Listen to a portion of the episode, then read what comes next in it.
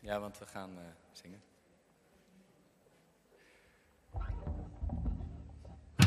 Goedemorgen gemeente.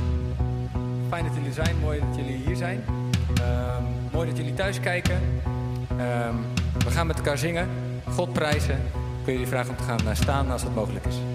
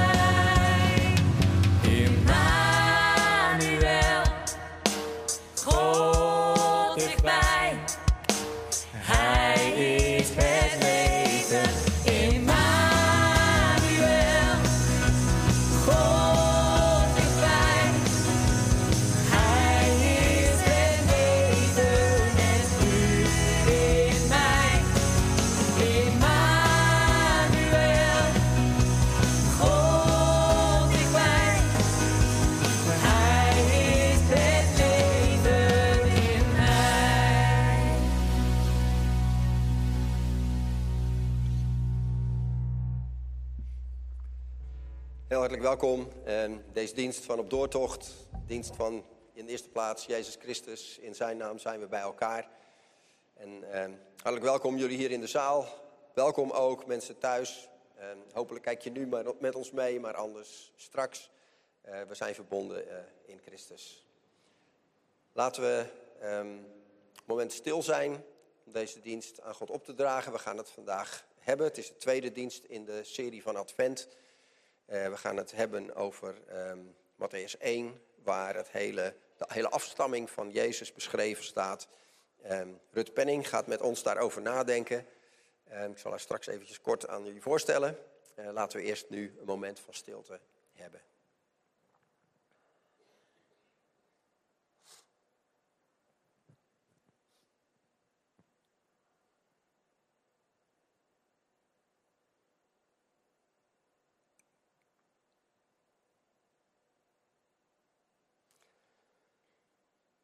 Dank u wel, Heer, voor dit moment. Deze tijd die we apart kunnen zetten voor u. Om de Heilige Geest gelegenheid te geven en ruimte. Ons hart te openen voor andere perspectieven dan die van onszelf. Andere verlangens dan wat er vanzelf in ons hart opkomt. Zeker als we in de tijd van Advent zitten, dan worden we daar extra bij bepaald. Bij de Messias die gaat komen, die ehm, een heel ander perspectief geeft op hoe u de mensen wilt redden, hoe u met de mens om wilt gaan. Hoe dichtbij u bij ons wilt komen. Dank u wel, Heer, voor dat, dat kostbare feest waar we elke keer ehm, een stukje van mogen uitdiepen. En eh, nieuw en meer verwonderd mogen raken door hoe, hoe u uw plan met ons volvoert. Zegen ons, Heer, als we dat proberen, ons hart te openen. Dat gaat niet zo makkelijk, maar Heer, u bent krachtig met uw geest in ons. Zegen ons deze dienst. Mag het zijn tot eer van u. Amen. Ga zitten, alsjeblieft. Ehm, ik zou graag eh, eventjes Rut naar voren willen vragen. Rut, eh, jij komt spreken hier. Even, ik hoop dat je eigen microfoon het doet. Ehm, misschien kun je kort even zeggen van ehm, wat doe je in het dagelijks leven? Wie ben je? Ehm, nou, ik ben eh, Rut Penning Bolswinkel. Kom uit Amerongen. Daar woon ik met eh, mijn man en onze zoon. Ik ben op latere leeftijd opnieuw gaan studeren. Heel lang geleden heb ik een HBO-theologieopleiding gedaan. En nu ben ik eh, ja, universiteiten aan het doen om, als opleiding voor de predikant. En eh, tijdens mijn opleiding ben ik nu eh, postbode. Dus mijn beroep is eigenlijk eh, postbode. En dat doe ik met heel veel plezier. Dus, En wat is de overeenkomst tussen een postbode en een, iemand die preekt? Nou, dat je veel mensen tegenkomt. En dat je heel veel mensen kunt begroeten. En hopelijk ook een mooie boodschap. Dus hier hoop ik met woorden een boodschap te brengen. En door de week breng ik een heleboel andere boodschappen rond, zeg maar. Ja. Dankjewel. Oké, nou we zien uit naar eh, wat je straks met ons gaat delen uit het woord. Misschien ja, toch nog één vraag van, wat vind je zo mooi... ehm jij hebt ervoor gekozen om predikantsopleiding te gaan doen. Wat vind je zo mooi aan preken? Waarom heb je speciaal dat gekozen? Ja, nou ik denk, eh, ik geloof dat de Heere God, dat de Heer Jezus zich op een heleboel manieren eh, laat kennen in ons leven. Maar dat hij woorden gebruikt om ons hart te raken. Dat heeft me van jongs af aan altijd heel erg eh, gefascineerd. Dus woorden, ja, predikant om woorden te kunnen gebruiken. Oké, daar zien we naar uit. Ehm, dan gaan we nu kijken naar het filmpje voor de kinderen. eh, dat voorbereid is door het eh, kinderteam. Dus jongens, laat maar komen.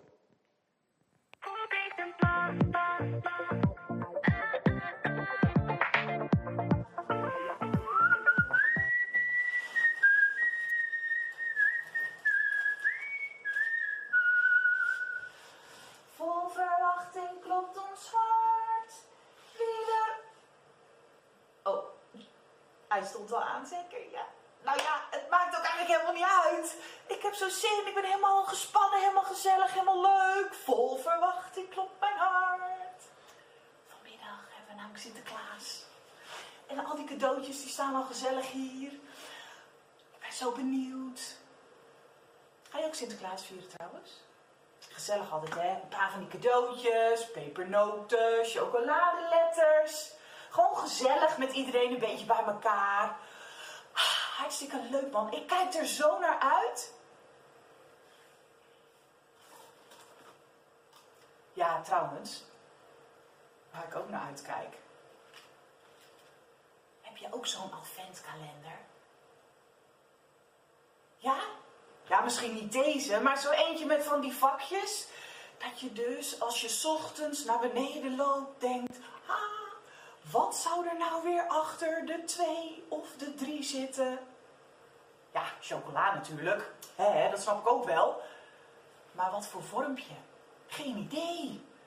En elke ochtend als je dan naar beneden loopt, kijk je er naar uit wat er achter zo'n luikje zit. Heerlijk die chocola.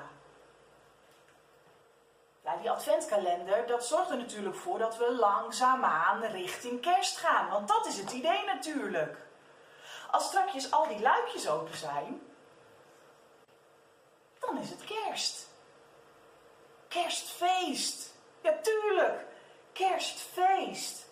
Ja, en bij Sinterklaas hoort cadeautjes. Een paar gewoon leuke kleine cadeautjes. En bij dat kerstfeest, joh. Daar hoort me een cadeau bij.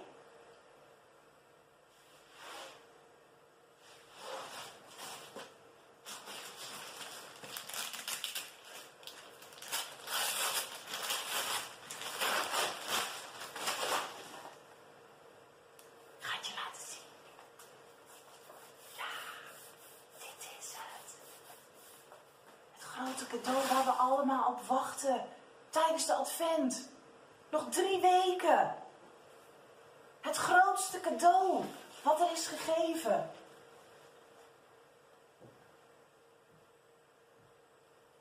De Heere God gaf het aan ons. Zijn eigen zoon. Aan ons. Wat een prachtig cadeau, toch? Voor jou en voor mij. Toen als een hele kleine baby. Maar we mogen steeds de komst van de Heer Jezus weer terug verwachten. Want hij heeft beloofd, ik kom weer terug voor jullie allemaal. Vol verwachting klopt ons hart. Nog drie weken, jongens. Dan is het kerst. Het echte, echte grote feest. God heeft een plan, echt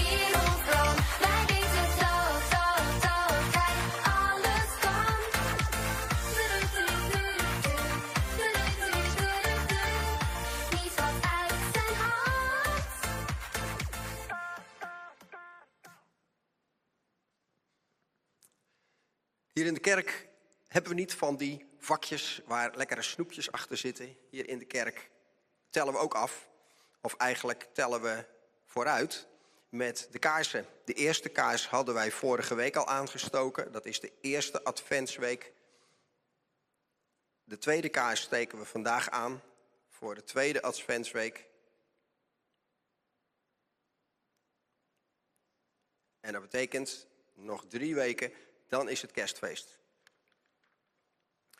Ik heb een paar mededelingen ehm, voor jullie. Ehm, allereerst even voor de mensen in de zaal. Als jullie nog niet een cupje met wijn en brood hebben of met druivensap eh, gepakt aan het begin, dan eh, kun je dat nu alsnog even doen. En ook de mensen thuis die nog niet avondmaal, brood en wijn hebben klaargezet, eh, doe dat nu eventjes, dan eh, hebben we straks bij de hand.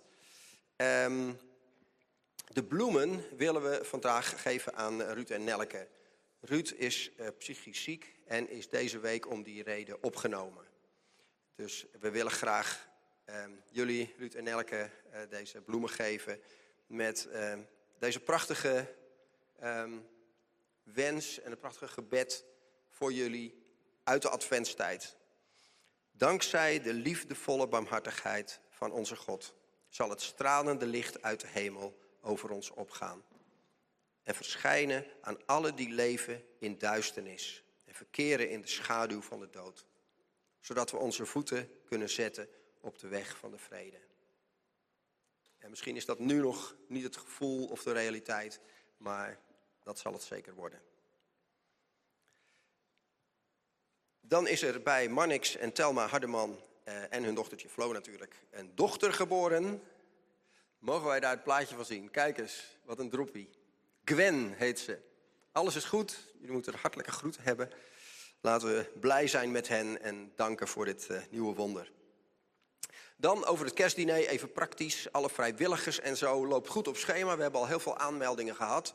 Er zijn nog bezorgers en zangers nodig, vooral. Dus stuur even een mailtje naar uh, raad.opdoortocht.nl of meld je straks aan het eind van de dienst eventjes uh, bij mij in de hal. Dan uh, kan ik je naam noteren als je daar nog aan mee wilt doen. En dan, um, dit is even een mededeling voor het leden en vrienden van onze gemeente. Um, hebben jullie afgelopen week een, mail van de raad gekregen. Die ging over het dankoffer. En ik wou, daar eventjes, ik wou dat er even uitlichten. Um, die mail ging over twee dingen. Over hoe gaat het met de financiën van het lopende jaar. hebben we uh, genoeg geld om onze dingen te doen? En dat is zo, daar zijn we heel dankbaar voor. Dat is mooi, we dragen bij. We moeten nog even een klein eindsprintje doen in december. Maar dat is eigenlijk bij elke december. Eh, komt dat goed aan het eind van het jaar. Dus daar gaat die mail niet over. Die mail gaat ook over, wil ik zeggen, het belangrijkste deel van de mail gaat over het dankoffer. Dat is iets anders. Um, de vraag aan ons is eigenlijk als, als, als christenen, als leerlingen van Jezus, uh, zijn we tevreden met wat we hebben? Um, dat is eigenlijk de basisvraag. Um, als je niet tevreden bent, dan blijf je altijd verlangen naar, naar meer. De, de vraag daarbovenop is eigenlijk de vraag: ben ik dankbaar voor wat ik heb gekregen? Niet zo van: oké, is het genoeg en uh, uh, is het een soort zesje, maar ben je echt dankbaar? Dat wil zeggen, heb je, ervaar je je leven en wat je krijgt van God als, als overvloed uh, of als het kan wel? En hoe, hoe dankbaar ben je dan? Herken je ook in wat je krijgt, wat we krijgen in ons leven, herkennen we de gever daarvan? Dan pas is er sprake van dankbaarheid. Nou, in, daarop willen we graag insteken met het dankoffer. En laten, we, laten we iets doen, iets laten zien waar richting God, aan God laten zien hoe dankbaar we zijn met wat we krijgen. Dus eh, straks is er een collecte, kunnen we zoals gebruikelijk daar met de gift-app eh, een gift geven die uitdrukking geeft aan hoe dankbaar we zijn. Maar misschien is het ook goed om daar zelf over na te denken, daar tijd voor te nemen. Praat erover met je partner als je die hebt. Van, jongens, hoe goed hebben we het eigenlijk? Um, hoe zegent God ons? En wat zou ons antwoord naar God mogen zijn? In tijd, maar ook in financiële zin. En ik denk dat einde jaar dan een hele mooie gelegenheid is om juist dat te doen. Dus daar wou ik jullie even toe extra oproepen. Um, nou, laten we bidden, laten we tijd nemen voor gebed. Uh, deze dingen bij God brengen. Um, ook andere zaken um, zal ik jullie voorgaan. Lieve Vader in de hemel, dank u wel voor deze gemeenteberichten, al die dingen die gebeuren in de gemeente. Um, bidden nu voor alle voorbereidingen voor het kerstdiner, die uh, goed lopen te gaan en goed lopen. En, en um, ja, hier, het lijkt een, weer een mooi feest te worden. Wilt u het gebruiken in uw plan, op welke manier dan ook? Voor de medewerkers, voor alle gasten die we uitnodigen, mensen die uh, misschien ver van u afstaan. Uh, mogen ze iets meekrijgen van wie u bent en wat u bent komen doen op deze aarde. Vader, we willen nu ook bidden voor Ruud en Nelke, die het moeilijk hebben, ehm, door een hele moeilijke periode heen gaan. Bid nu met hen ook voor alle zieken in de gemeente. We dragen hen aan u, op, Heer. Ons eh, verlangen en onze wens is dat ze, dat ze allemaal beter worden. Ehm, en Heer, u kunt het, u bent een geneesheer. En daar, daar bidden we u voor. We voelen ons vrij om dat bij u neer te leggen. Maar ook bidden we u om uw nabijheid en uw troost voor ieder van hen. Ik bid nu ook voor het dankoffer dat is ingezet, dat initiatief dat genomen is. Heer, geef dat we niet eh, gedachteloos ons eh, kwartje in het zakje zullen gooien, maar ook eh, de vraag zullen toelaten van hoe dankbaar zijn we nou eigenlijk echt? En wat, zou een, wat is een passend antwoord? Vader, we bidden nu ook voor de, de wereld om ons heen. We denken aan de coronasituatie, waar ehm, ja, de regering voelt dat er harde maatregelen nodig zijn, maar dat er erg weinig draagvlak voor is. Geef hen wijsheid, maar geef ook ons eh, de juiste afweging te maken, samen met u, over op welke manier we onze verantwoordelijkheid naar elkaar kunnen nemen. Ik bid nu voor alle vluchtelingen die als speelbal gebruikt worden van machthebbers, die allerlei vreselijke situaties terechtkomen, alleen maar om een politiek statement te maken. Heer, ontferm u over, over ons, over deze wereld. Ik bid nu ook ehm, voor onze gemeente, Heer. In deze coronatijd zien we elkaar minder. Geef dat we zicht mogen houden op elkaar. Ehm, de mensen die langzaam uit beeld verdwijnen, dat we ons dat zullen realiseren en elkaar zullen blijven opzoeken. Ehm, extra initiatief nemen waar dat nodig is. Vader, zo, bidden u voor de, de, zieken en de eenzamen in onze gemeente. Oud en jong, want ook onder jongeren ehm, ja, weten we dat het zo ontzettend lastig is om in die tijd waarin juist vriendschappen en relaties bouwen en groepsprocessen ehm, zo belangrijk zijn zo fundamenteel voor je ontwikkeling, dat dat er allemaal niet meer is of zo beperkt. Geef dat we als gemeente ook vormen vinden om onze jongeren te ondersteunen ehm, en eh, eh, ja, toch eh, hen, hen op te bouwen en eh, samen met hen door deze periode te gaan. Dank u, Heer, dat we dit allemaal bij u mogen neerleggen. U bent onze vader, u bent eh, de eigenaar van het grote masterplan. Dank u dat we uw medewerkers en zelfs uw kinderen mogen zijn. Amen. Dan is nu gelegenheid voor de collecte. Zoals gebruikelijk, de gift-app komt straks wel een QR-code in beeld. Eh, aan het eind van de uitgang, de mensen die geen app hebben, kunnen het ook eh, in de collectezak doen. Of doe het thuis als je nog wat meer tijd hebt om erover na te denken. Eh, de bestemming is dus het dankoffer waar ik het net over heb gehad. Arno, misschien een kleine intro terwijl de. Nou, ik weet niet of die QR-code nog komt. Kleine intro en dan Ja. lofprijzing. gaan we zingen. We gaan zo zingen. Vanochtend Immanuel, God met ons. En ik kon het niet laten om het even... Oh, daar is die. Hey, even opnieuw. Ehm, we gaan zo met elkaar zingen. Eh, het eerste lied is misschien wat minder bekend, maar het gaat over, vanochtend over Immanuel, God met ons. En ik, kon, ik had niet van tevoren bedacht, maar ehm, het gaat over verwachten. En mijn eh, hele lieve vrouw en ik zijn eh, in verwachting. Eh, dus we zijn daar heel erg mee bezig. Eh, we zijn van, eh, vandaag precies ongeveer op de helft. En ehm, ik dacht daarover na. God met ons, hoe hij naar ons toe is gekomen. Ik ben heel druk met de kinderkamerklussen en zo, vind ik heel leuk. En we zijn allemaal spullen aan het kopen, over dankbaarheid gesproken. Maar ehm, voor Jezus was er geen plek in de herberg. En dit lied, ja, we kunnen het misschien beter gaan zingen, maar gaat over, is de plek in jouw hart voor Jezus? Laten we zingen.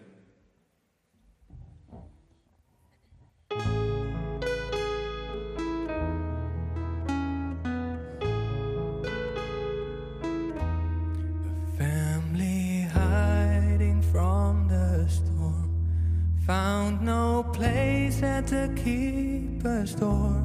It was for this child was born to save a world so cold and hollow. The sleeping town, they did not know that lying in a manger low, a savior king who had no home has come to heal our sorrow. Is there room in your heart? Is there room in your heart? Is there room in your heart for God to write his story?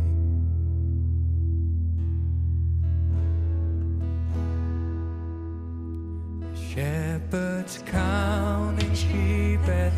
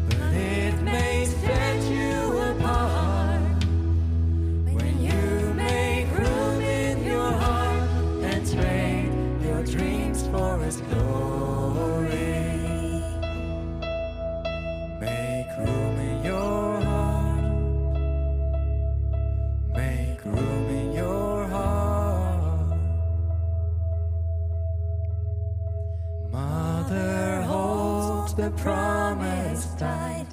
Every wrong will be made right. The road is straight and the burden's light. For in his hand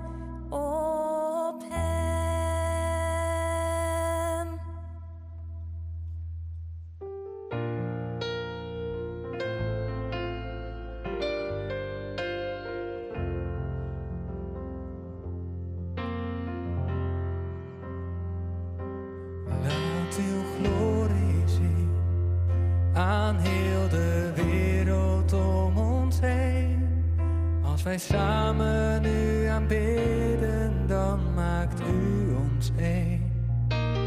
Laat uw glorie zien, laat alle blijdschap die u brengt. Een getuigenis van hoop zijn voor wie u niet kent. Als wij samen nu aanbidden en vol eerbied voor dat uw geest neer in ons midden, raak ons allen aan. Als wij Jezus naam beleiden, als de enige die redt, toon uw majesteit en glorie, dat is ons gebed. Laat uw glorie zien. God's healed the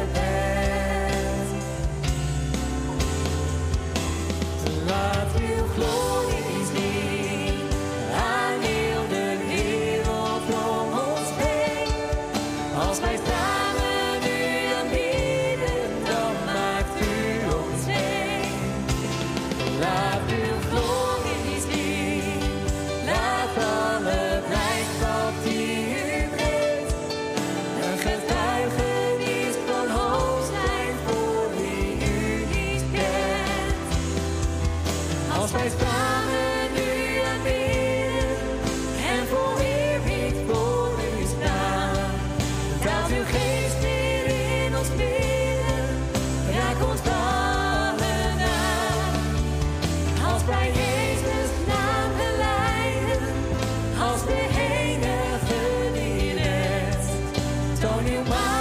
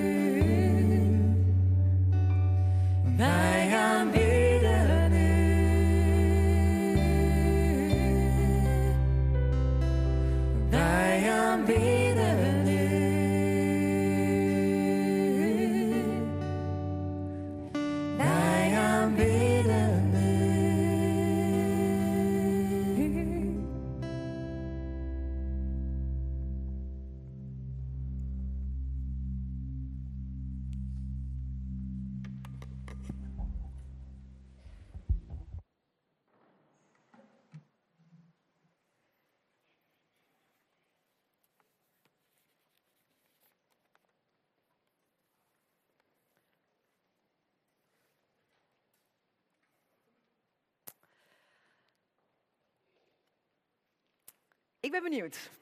Wie van jullie weet waarom hij of zij de naam heeft gekregen waarmee je nu leeft? De naam die je bij je geboorte hebt gekregen. Wie kan even je hand weten? Wie weet waarom die die naam gekregen heeft? Dat ouders of andere mensen je dat hebben uitgelegd. Nou, ik zie een aantal vingers. Mooi. Nou, ik heb eh, bij mijn geboorte de namen gekregen van mijn beide oma's. Een ervan heette Geertrui. Die deze oma, allebei de oma's, zijn al jaren geleden overleden. Het verhaal van deze oma Geertrui is bijzonder. Ze was het eerste kind van haar ouders. En toen ze geboren werd, was ze heel erg klein, maar anderhalve kilo. In die tijd had je nog geen couveuses. En de dokter zei tegen mijn overgrootouders: Ze is zo klein, geef haar maar geen naam. Eerst maar even afwachten. En ze werd natuurlijk aangekleed en ze werd in een mandje gezet bij de open haard om haar warm te houden. Aan mijn overgrootouders gaf mijn oma wel een naam en ze bleef in leven. En ze is uiteindelijk zelfs 91 jaar oud geworden. Heeft een heleboel kinderen en kleinkinderen en achterkleinkinderen gekregen. De boerderij waar mijn oma geboren is, is in Woudenberg. En ik kom er nog regelmatig langs. En regelmatig als ik dan die boerderij zie, dan raakt dat mij. En dan denk ik weer aan dat hele kleine babytje dat daar bij de open haard heeft gestaan. En dan denk ik, als ze het niet had overleefd, dan was ik er helemaal niet geweest.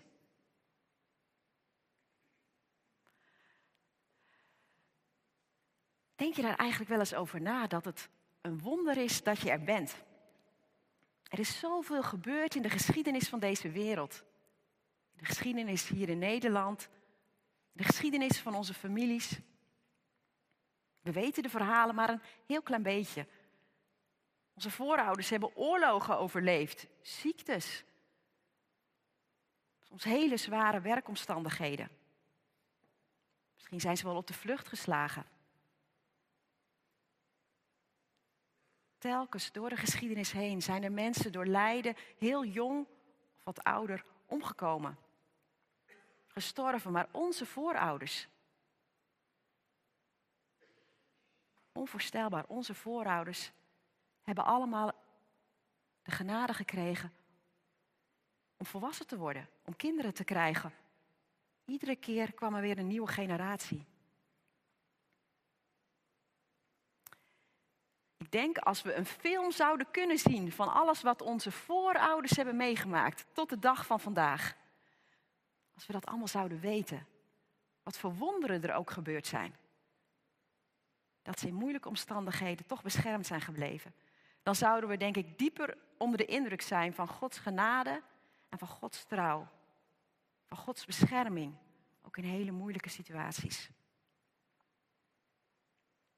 Sommige mensen die houden daar heel erg van. Familieverhalen zoveel mogelijk uitzoeken. Stambomen op internet, op papier, helemaal uitwerken. Zoeken wat er gebeurd is in de geschiedenis van je eigen familie. Aan moois, maar ook aan moeilijks. In de Bijbel zie je dat er regelmatig veel aandacht is voor de generaties. En voor Gods werk door de generaties heen. In meerdere Bijbelboeken staan lange lijsten van namen. En vandaag gaan we één zo'n lijst lezen. Aan het begin van het Nieuwe Testament. Het Evangelie van Matthäus. We lezen met elkaar Matthäus 1.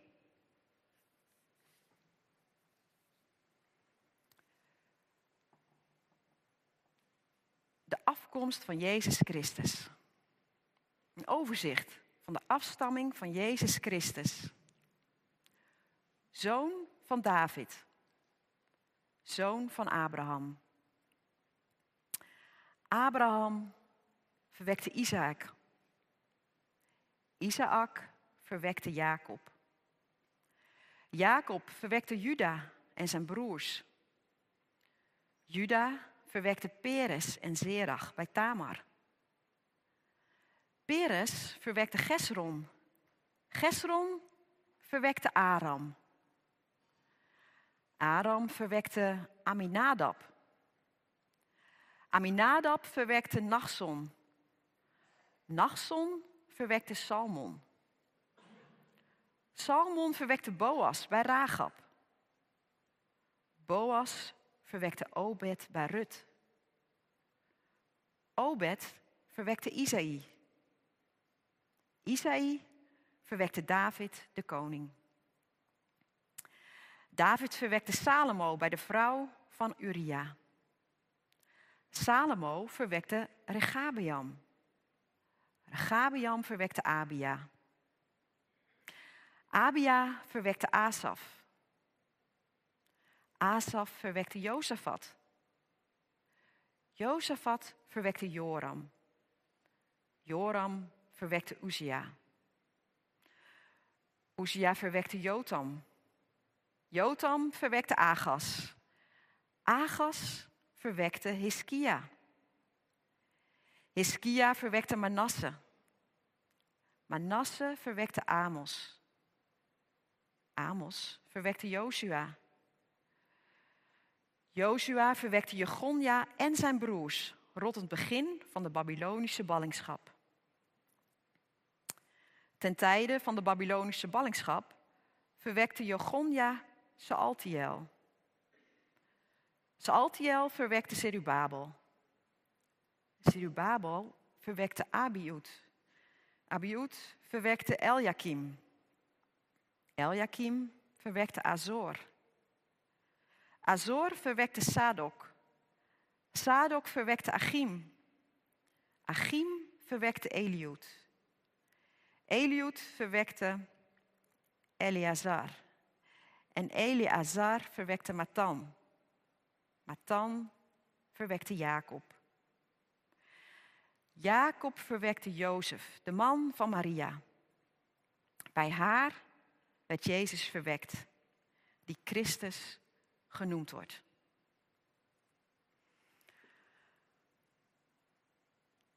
Een hele lange lijst met namen. Waarom doet Matthä- Matthäus dat? Waarom? Misschien was je na de eerste vijf namen de weg al een beetje kwijt. Maar waarom doet hij dat? Zoveel namen achter elkaar. Omdat hij met die lange lijst namen een verhaal wil vertellen. Een boodschap wil brengen. Sommige kritische Bijbelwetenschappers zeggen van die lijst met namen: ja, klopt die lijst eigenlijk wel? Er lijken namen te ontbreken. Het klopt niet met andere lijsten. Matthäus noemt die namen hier niet om helemaal compleet te zijn, maar hij noemt deze lijst met namen aan het begin van zijn evangelie om één belangrijke boodschap over te brengen. Die boodschap is: God houdt zijn belofte. En dat doet hij niet altijd zo snel als wij dat zouden willen, maar dat doet hij door de tijd heen, door de generaties heen. Jezus, die als baby in onze wereld is gekomen, is met zijn komst een vervulling van Gods belofte aan Abraham. Van Gods belofte aan David. God had Abraham beloofd dat hij een zegen zou zijn voor alle volken. God had David beloofd dat zijn koningschap voor altijd zou blijven. Dat zijn koninkrijk hier op aarde een koninkrijk zal zijn van altijd durende vrede, van altijd durend recht. En zowel Abraham als David hebben dat niet met hun eigen ogen zien gebeuren. Maar hoe heeft God die belofte waargemaakt? Dat deed hij door trouw te zijn aan hun nageslacht. En dan komen we die hele lijst met namen tegen. En soms staat er kort iets bijgeschreven. Die namen verwijzen ook naar Bijbelverhalen van een heel aantal van die personen die genoemd zijn. Staan verhalen in de Bijbel. Verhalen van oorlog en van vrede. Verhalen van mensen die trouw waren aan God. Maar ook mensen die ontrouw waren.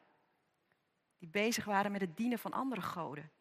Zij waren deel van die lijst van namen.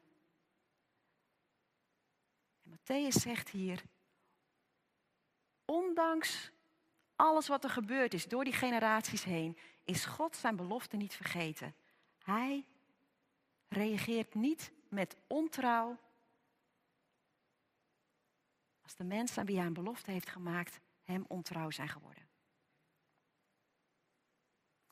Iedere generatie opnieuw, na Abraham, na David. Aan iedere generatie opnieuw laat God zijn trouw opnieuw zien. En dan komt daar die geboorte van Jezus, de vervulling van die belofte.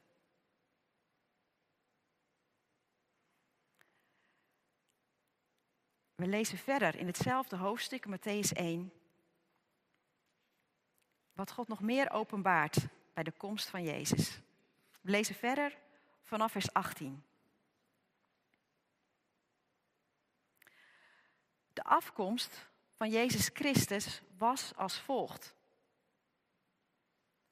Toen zijn moeder Maria al was uitgehuwelijkt aan Jozef, maar nog niet bij hem woonde, bleek ze zwanger te zijn door de Heilige Geest. Haar man Jozef, die een rechtschapen mens was, wilde haar niet in opspraak brengen en dacht erover haar in stilte te verstoten. Toen hij dit overwoog, verscheen hem in een droom een engel van de Heer, die zei: Jozef, zoon van David, wees niet bang je vrouw Maria bij je te nemen. Want het kind dat ze draagt is verwekt door de Heilige Geest. Ze zal een zoon baren. Geef hem de naam Jezus. Want hij zal zijn volk bevrijden van hun zonde. Dit alles is gebeurd omdat in vervulling moest gaan wat bij monden van de profeet door de Heer is gezegd. De maagd zal zwanger zijn en een zoon baren. En men zal hem de naam Immanuel geven, wat in onze taal betekent God is met ons. Jozef werd wakker en deed wat de engel van de Heer hem had opgedragen. Hij nam zijn vrouw bij zich, maar hij had geen gemeenschap met haar voordat ze haar zoon gebaard had. En hij gaf hem de naam Jezus.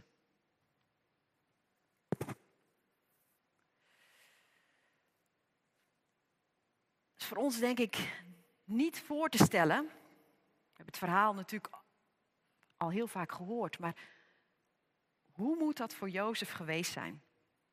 Wat een schok dat je aanstaande vrouw al zwanger is en niet van jou. Hij denkt dat ze hem ontrouw is geweest en hij wil ook, hij staat op het punt om zijn eigen trouwbelofte ook terug te trekken. Maar dan grijpt God zelf in. En maakt duidelijk, het gaat hier niet om ontrouw. Het gaat hier om de trouw van God. En het moet voor Jozef een enorme bemoediging geweest zijn dat door een engel heen hij heel persoonlijk de uitleg van God krijgt. Er valt heel veel over te zeggen, maar vanochtend wil ik eigenlijk alleen maar stilstaan bij namen. Namen in die geslachtsregister, maar ook de naam van Jezus zelf.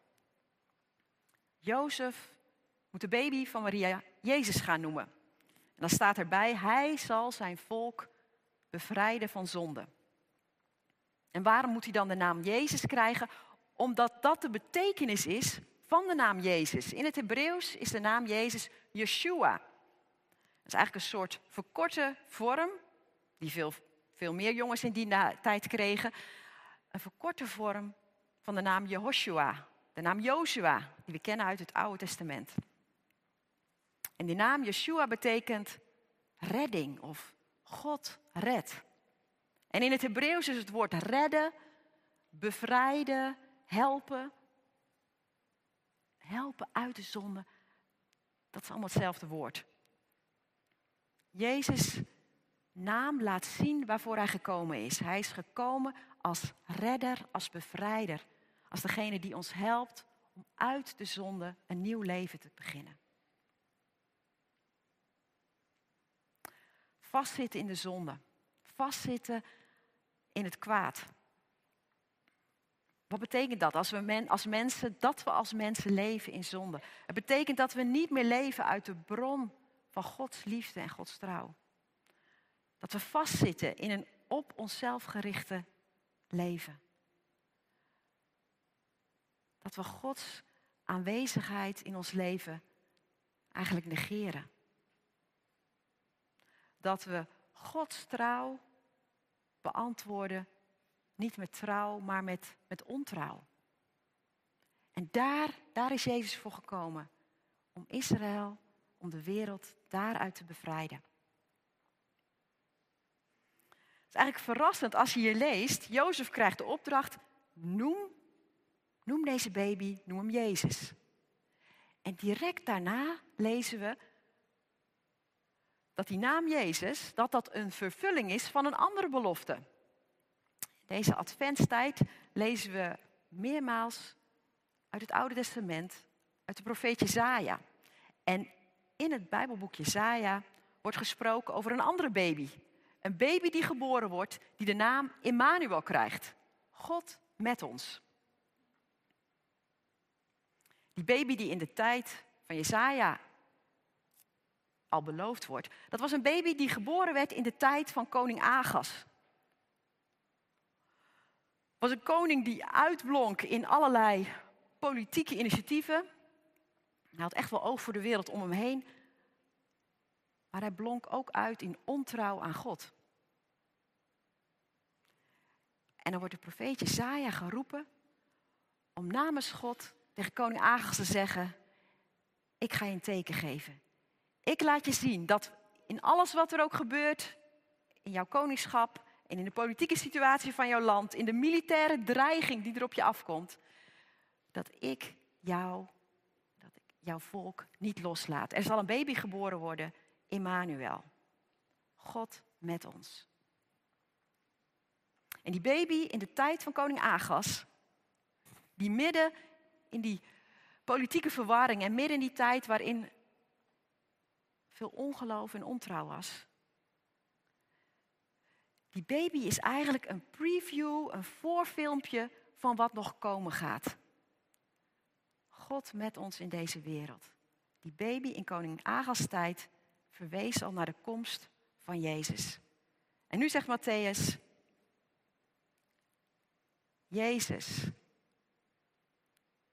de baby die geboren is met de naam God red, die is tegelijkertijd ook de baby die laat zien God met ons. Hoe kan God ons redden, bevrijden? Hoe kan Hij ons helpen weg te komen uit een leven in zonde? Dat doet Hij door heel dichtbij te komen. Dat doet Hij door de komst van Jezus. De bevrijding van zonde begint van binnenuit. Daar ging dat mooie lied er straks ook over. Als Jezus thuiskomt, welkom is in ons eigen hart. Maar we leven ook met de belofte dat Jezus op een dag terug zal komen. En dat hij als koning, als de zoon van David, zal regeren in deze wereld. Dat God met ons, Emmanuel, te zien zal zijn in de hele wereld. En pas dan zal er een volkomen, een complete bevrijding in deze wereld zijn van zonde, van kwaad. Eigenlijk moeten wij nog steeds leren leven met een belofte. Net zoals al die mensen waarvan wie we er straks die namen lazen. Zij leefden voor de eerste komst van Jezus. Wij kijken uit naar de tweede komst. God zal zijn belofte houden van zijn komst. komst van Jezus. Ook al moeten ook wij daar al generaties lang op wachten. Vorige week hoorden we in de preek dat de toekomst die God beloofd heeft, bedoeld is om ons ook nu al in ons leven te inspireren. Om ons om te vormen naar Gods bedoelingen. Toen Jezus terugkeerde naar zijn vader, beloofde hij dat hij door de Heilige Geest met ons zou zijn. En dat hij met ons is, dat betekent dat God in ons leven niet alleen wil laten zien dat hij trouw is aan ons, maar hij wil door ons leven heen zijn trouw laten zien. Jezus wil, Immanuel, God met ons ook door ons leven heen laten zien. En hoe kan hij dat doen door ons leven?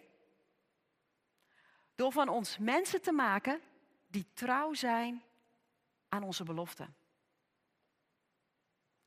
Wij dienen een God die trouw is aan zijn beloften, ook als mensen hem ontrouw zijn. En wij zijn geroepen om mensen te zijn. Mannen, vrouwen, jong of oud, om mensen te zijn die trouw zijn, betrouwbaar zijn. Ook en misschien wel juist als het lastig wordt. Als mensen om ons heen zich niet gedragen zoals wij hadden verwacht, zoals wij hadden gehoopt, zoals wij hadden gewild. En we leven in een tijd en in, in een maatschappij waarin het breken van je beloftes heel veel voorkomt.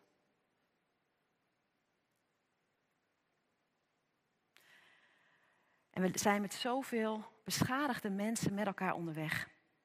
Ook hier in de gemeente.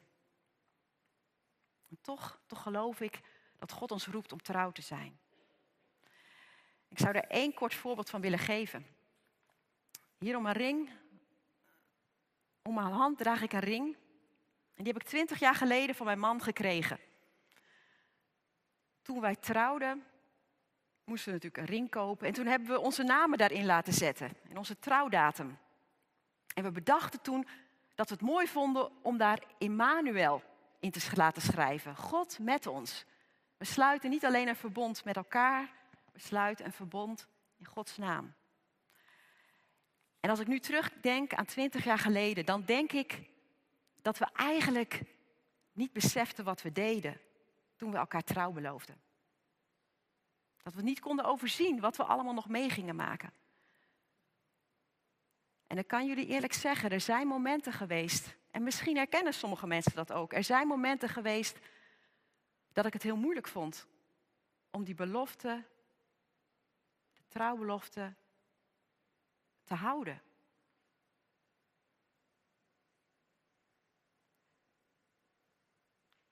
En toen was het juist, juist op die moeilijke momenten, zo belangrijk dat niet alleen de naam van mijn man, maar ook de naam Immanuel in mijn ring stond.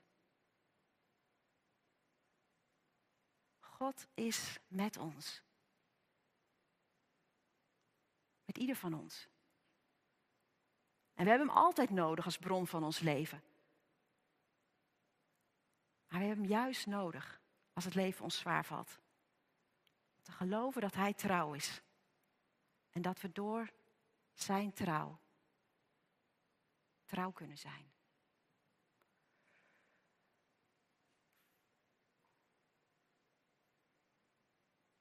We zijn kwetsbare mensen en, en we falen in trouw. Maar vanmorgen wil ik u, jou en mezelf opnieuw oproepen. Om te leven als trouwe mensen. En op te vertrouwen op die belofte. Dat God genadig is, ook wanneer wij ontrouw zijn geweest aan Hem, als wij ontrouw zijn geweest aan andere mensen. Er staat zo'n prachtige belofte in de Bijbel. Als we Hem ontrouw zijn, blijft Hij ons trouw. Want zichzelf verloochenen, dat kan Hij niet. Amen.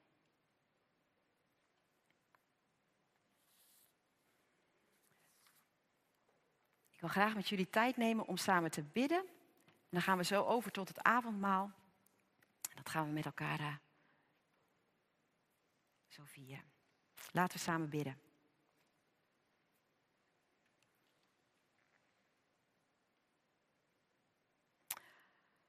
Vader in de hemel,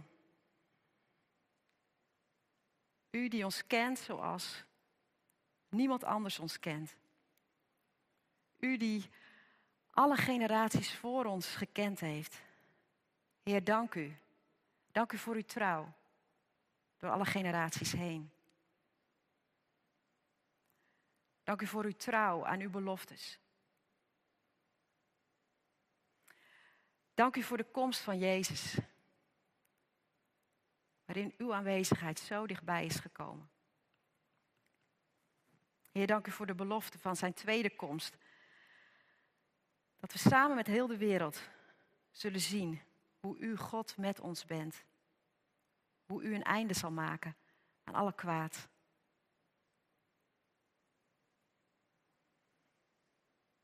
Dank u voor uw belofte, van uw aanwezigheid, ook nu in ons en onder ons. Heer, deze morgen willen we heel in het bijzonder bidden.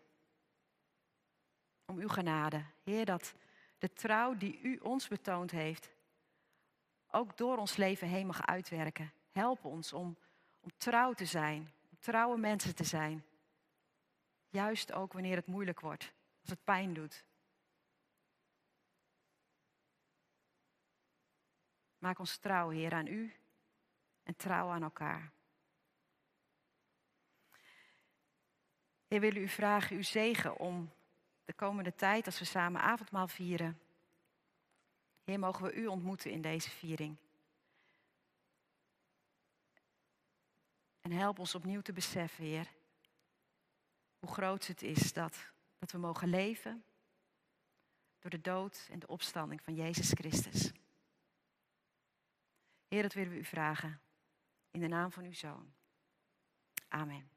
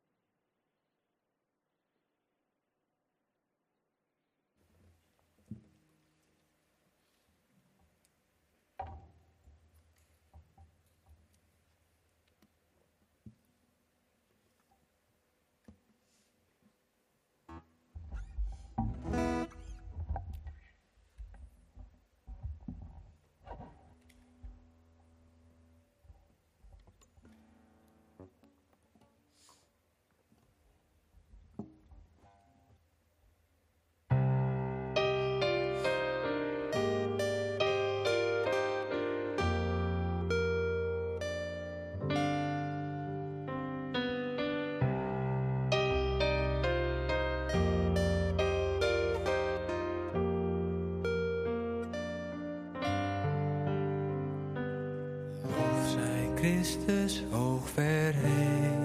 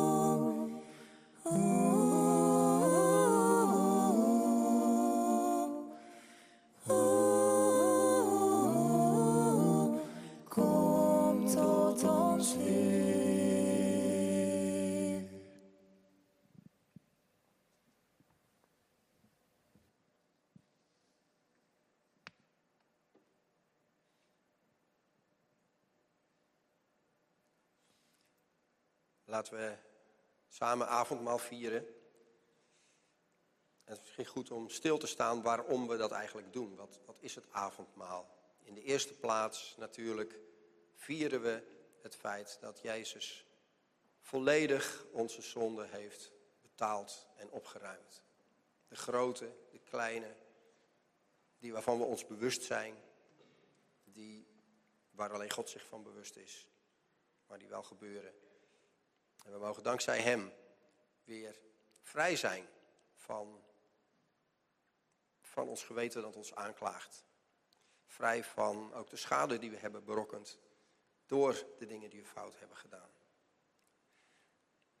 En daarin horen we bij Jezus. Het is eigenlijk, vieren het feit dat we bij Hem horen, dat Hij bij ons hoort. En dat we weer vrij tot God mogen komen. Maar ehm, we worden ook bepaald bij onze onderlinge eenheid in Christus. Hoe verschillend we ook zijn, door het feit dat we samen één brood eten, samen van één beker drinken, geven we uiting aan het feit dat we ten diepste in Hem één zijn. Maar het is ook een statement. Nu doen we dat niet omdat we in onze bank blijven, allemaal ons eigen bekertje hebben. Maar als je opstaat, naar voren komt, maak je ook een statement van, kijk maar, ik wil het laten zien, ik hoor bij Jezus. Dat zijn mooie ehm, betekenissen, zeg maar, die dit, dit avondmaal in zich draagt. En laten we die samen ehm, gedenken en, en vieren. Als baptistengemeente op doortocht ehm, zijn we gewend om iedereen die Christus erkent als verlosser en Heer uit te nodigen. We willen graag samen met elkaar en ook met jullie ehm, het avondmaal vieren. Of je thuis bent of hier, als je kijkt, ehm, als je hier bent en je weet in je hart, ik hoor bij Jezus, Hij is mijn redder, mijn verlosser, dan mag je meedoen en dan willen we dat graag, die eenheid ook uiten. Dus hartelijk welkom. Ehm, alleen we vragen wel eventjes om even te gaan staan, zodat we weten met welke nieuwe mensen we samen eh, dit avondmaal vieren. Zijn er in de zaal mensen die voor het eerst hier bij ons meedoen aan het avondmaal? Zou je even willen gaan staan? Mooi, heel fijn. Dankjewel. Dat is ook een statement om te gaan staan. Ehm, laten we samen een mooi avondmaal vieren. Laten we teruggaan naar hoe het begonnen is, dat avondmaal. De instellingswoorden van Jezus. En ik zal jullie die voorlezen zoals ze in Marcus 14 staan geschreven. Je moet je voorstellen, ehm, de discipelen en Jezus hebben een hele heftige periode meegemaakt. Waarbij zowel het enthousiasme van het volk ze heeft meegenomen, als ze ook de groeiende spanning onder de machthebbers voelen. Machthebbers, geestelijke leiders, maar ook wereldlijke leiders bij de Romeinen. En ehm, ik kan me voorstellen dat de discipelen daar heel verschillend in stonden in wat dat met hen gedaan heeft. Maar ze zitten nu even bij elkaar in een bubbel, zeg maar, in een bovenzaaltje, wat ze hebben klaargemaakt om samen met Jezus het paascha te vieren, het Pesachmaal, wat een Joodse traditie is. Ehm, al duizenden jaren, ehm, bijna 2000 denk ik op dat moment, vierden de Joden het Pesach om te gedenken de uittocht uit Egypte, de bevrijding van God, van het volk Israël. En dat werd op een hele strikte manier gedaan. En dat was een soort veilige traditie. Elk jaar weer werd dat herhaald en dachten ze, ja, zo is het. Die waarheid hebben wij vastgehouden, al die eeuwen, door al die generaties heen. God is trouw. En dan zitten ze bij elkaar in die bubbel, veilig eventjes van, dat, van die buitenwereld. En dan, breekt, dan prikt Jezus die bubbel door. Eerst door te beginnen over één iemand van die mensen die daar in die vertrouwde kring zitten, die hem zal verraden. En dan verandert hij ook nog de woorden en de betekenis van dat, Pesach, van dat Pesachfeest. Dat brood wat een betekenis had, of de, de, de verschillende gerechten die daar ehm, in dat zedermaal werden ge- gegeten, kregen ineens een andere betekenis. Ehm, de wijn krijgt een andere betekenis. Dus daar gebeurt iets wat ze ook weer uit hun comfortzone halen. Je kunt nooit, zeg maar, ehm, sit back and relax. Het is altijd, gebeurt er iets met Jezus. Laten we lezen hoe dat, hoe dat gebeurt.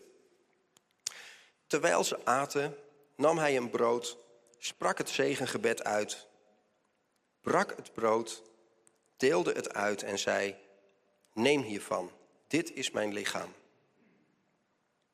En hij nam een beker, sprak het dankgebed uit en gaf hun de beker en alle dronken eruit. Hij zei tegen hen: Dit is mijn bloed, het bloed van het verbond, wat voor velen vergoten wordt. Ik verzeker jullie, ik zal niet meer van de vrucht van de wijnstok drinken, tot de dag dat ik er opnieuw van zal drinken in het koninkrijk van God. En dat is de vierde betekenis van het avondmaal. Dat we ook naar de toekomst kijken. De trouw van God die doorgaat de toekomst in. Jezus hier ziet uit naar het moment dat zijn koninkrijk op aarde zal komen. Dat wij alle met elkaar in het nieuwe, ehm, in het nieuwe koninkrijk samen met hem weer die wijn kunnen drinken en dat brood kunnen breken. Laten we dat samen doen. Ehm, laten we nu ehm, een moment danken en stilstaan ook met God. Ik zal ook een moment stilte geven, dat je ook je eigen eh, woorden kunt geven richting God. Heere God, wat een bijzonder verhaal. Telkens weer ehm,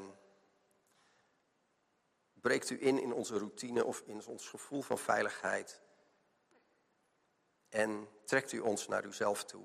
Laat u ons zien waar het u ten diepste om gaat. Heer, u, u, u wilt ons hart winnen. En dat wilt u ook doen door dit teken van brood en wijn. Dank u nu dat we dat nu samen mogen gaan gebruiken en vieren. En eh, we willen ook een moment stil zijn om wat er in ons eigen hart leeft tegen u te zeggen.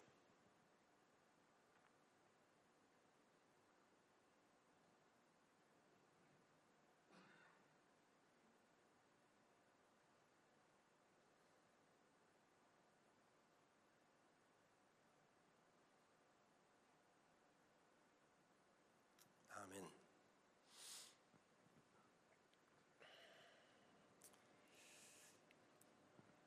Jezus brak het brood en zei: Dit is mijn lichaam voor jullie. Doe dit telkens opnieuw om mij te gedenken.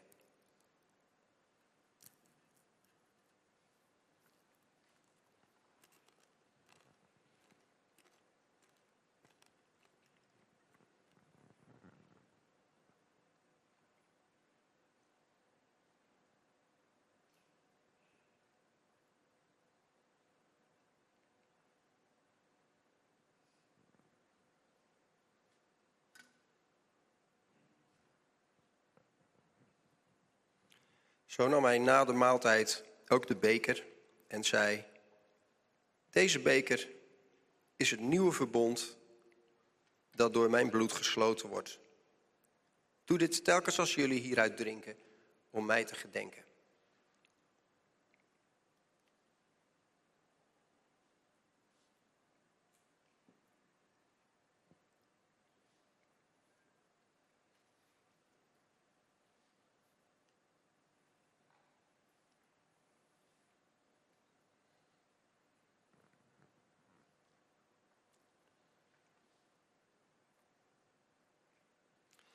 Dank u, Vader. Dank u, Heer Jezus, dat u dit mogelijk maakt. Dat u niet bent teruggedeinst toen het moment daar was om het uw discipelen te vertellen, om die moeilijke weg te gaan, uit die bubbel, de donkere nacht in, naar Gethsemane, naar Pilatus, naar de mensen die u zouden veroordelen en kruisigen. Dat u doorgegaan bent en dat wij hier nu mogen zitten, dat offer vierend, de vrijheid vierend, om u te kunnen dienen. Zegen ons daarin, Heer. Amen. Laten we dit meenemen ehm, de week in. Ehm, we zijn aan het eind gekomen van deze dienst. En ehm, ja, we zijn één in en met Jezus. Hij heeft volledig voor onze zonde betaald. We mogen die vrijheid laten zien in hoe we op maandag en op dinsdag met hem wandelen. Ehm, hartelijk dank dat jullie hier waren. Dank ook voor de mensen thuis dat jullie eh, gekeken hebben, gevolgd hebben. Hopen dat jullie met ons een goede dienst gehad hebben. Ehm, hij is gekomen, hij komt weer en hij is Emmanuel met ons al die tijd. Ehm Rut, mag ik jou vragen om naar voren te komen om ons de zegen te geven? Daarna zingen we nog eh, het laatste lied, Opwekking 770. Ja, ik wil jullie uitnodigen om te gaan staan. Mooi is, we mogen weer naar huis gaan, we mogen de week ingaan. En de Heer kent al onze levens. Hij weet de uitdagingen die voor ons liggen. Heel in het bijzonder ook de uitdaging om trouw te zijn en te blijven aan de mensen die Hij in ons leven gebracht heeft. De genade van de Heer Jezus Christus, de liefde van God en de eenheid met de Heilige Geest zij met jullie allen. Amen.